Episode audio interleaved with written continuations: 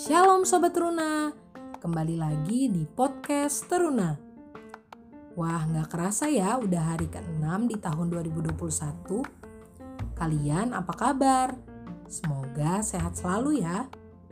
Hari ini kita akan merenungkan firman Tuhan dengan tema Yesus Kristus tanda perjanjian baru.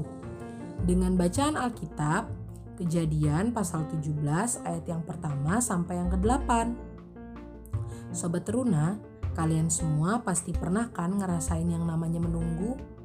Contohnya, kalau kalian lagi pulang sekolah, terus nunggu jemputan kakak atau orang tua.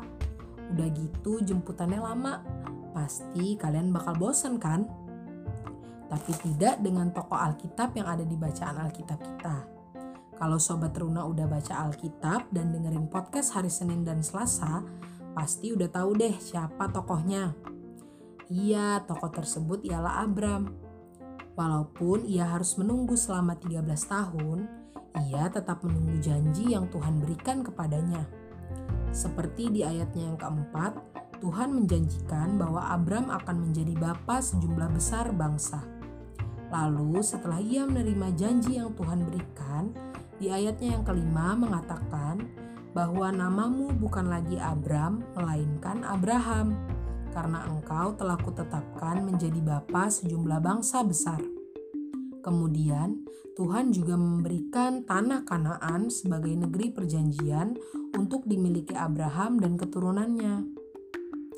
Nah, sobat teruna, kalau sobat teruna udah mengikuti podcast dari hari Senin dan Selasa, pasti sobat teruna udah dapat clue yang pertama dan yang kedua. Sekarang kakak mau beri clue yang ketiga, yaitu anak-anak guru. Jangan lupa dijawab ya di kolom komentar IG Evata Guntung Payung. Dan juga jangan lupa Sobat Teruna tag tiga teman PT yang lainnya. Oke kita lanjut ya ke renungan kita. Nah Sobat Teruna, kita sebagai orang percaya harus senantiasa melakukan perbuatan dan perkataan yang baik sesuai dengan firman Tuhan. Jangan lelah untuk menunggu dan menantikan janji Tuhan. Karena percayalah bahwa di saat manusia bisa bahkan sering mengingkar janji, tapi Tuhan Yesus tidak pernah ingkar janji.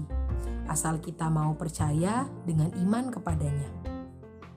Sobat Teruna, mari kita tetap taat dan setia dalam kasih kepada Tuhan dengan cara tekun berdoa, dengar-dengaran kepada orang tua, rajin belajar, dan mengasihi sesama.